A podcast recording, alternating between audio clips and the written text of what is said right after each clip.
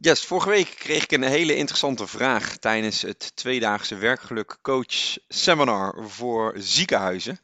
Ehm, er waren zo'n 25 werkgeluk coaches bij, eh, aanwezig, sommige leidinggevend, andere medewerker, andere manager. Nou, het was een hele leuke diverse groep.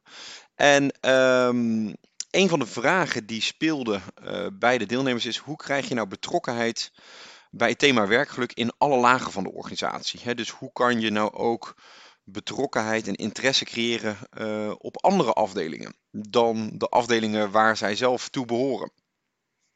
En dat deed me denken aan um, uh, mijn eigen situatie, uh, nou laat ik zeggen zo'n 12 jaar geleden. Ja, het was 2012 toen ik bij het Amphia ziekenhuis projectleider was van het medewerkeronderzoek. Uh, dat is natuurlijk best wel een groot traject. Hè, van uh, alle afdelingen uh, doen mee aan dit onderzoek. En dat, is, dat was toen de tijd in ieder geval een vrij forse vragenlijst.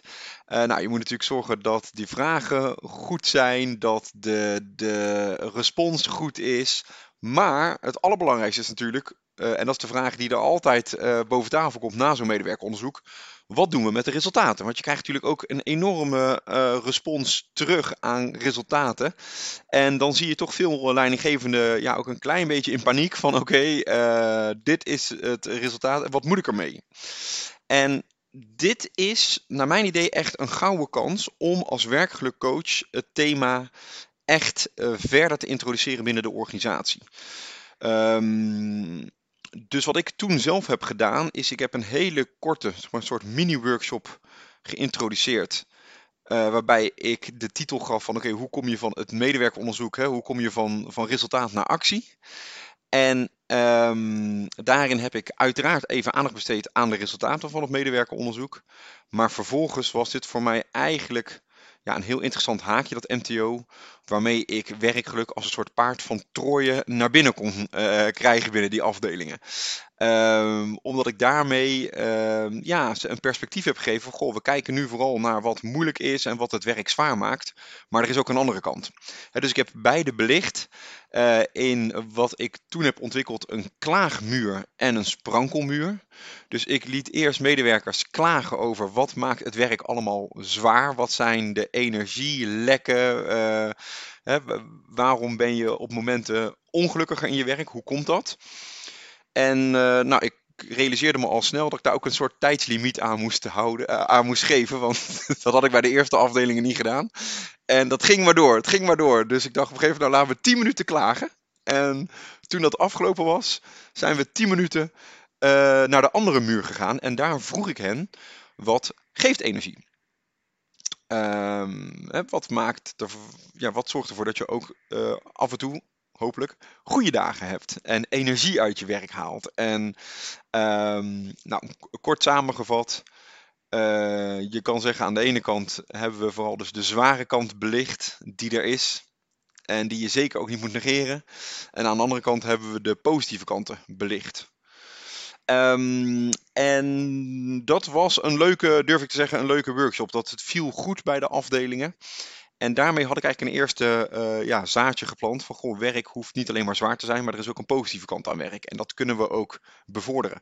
Wil je daar meer over weten? Eh, laat het me vooral weten, dan kunnen we jullie daar verder bij gaan helpen.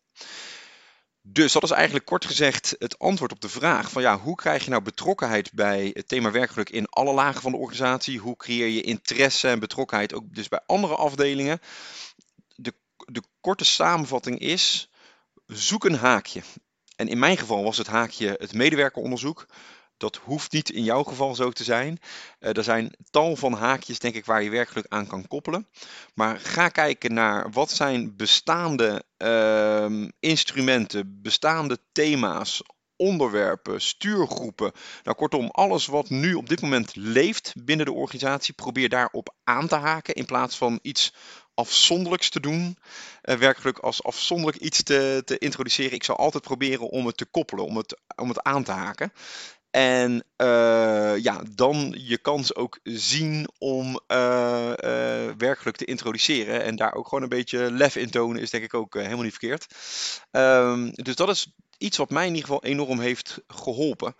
Ehm, ik zit nog even te kijken of ik alles, want ik heb even een korte aantekening gemaakt, of ik alles heb behandeld. Ja, en misschien als laatste, schroom er ook niet voor het harde werk te doen. Ik denk dat ik meer dan 60 afdelingen heb geholpen met deze workshop. Een korte workshop, dus zoveel tijd kost het ook niet. Maar wel bereid om het, om het harde werk te doen. Dus wel bereid zijn om die 60 afdelingen af te gaan. En dat is denk ik ook nodig, wil je echt betrokkenheid creëren en wil je uiteindelijk dat het virus zich, het positief virus wat werkelijk is, gaat verspreiden in de organisatie ja, dat vraagt ook handen uit de mouwen en eh, bereid zijn om het ook uren te maken. En uh, ja, echt zeggen, joh, hier gaan we onze tanden in zetten en uh, hier vegen we ook een deel van de agenda voor leeg. Dus ja, een, een veel gehoord bezwaar is gebrek aan tijd. En dat is vaak ook een gebrek aan prioriteit. Hè? Dus als je er echt prioriteit van gaat maken, oké, dan ga je er ook uh, tijd en ruimte aan besteden.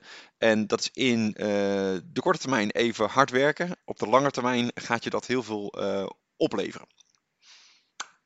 Dit was mijn antwoord op de vraag: hoe creëer je meer betrokkenheid in alle lagen van de organisatie?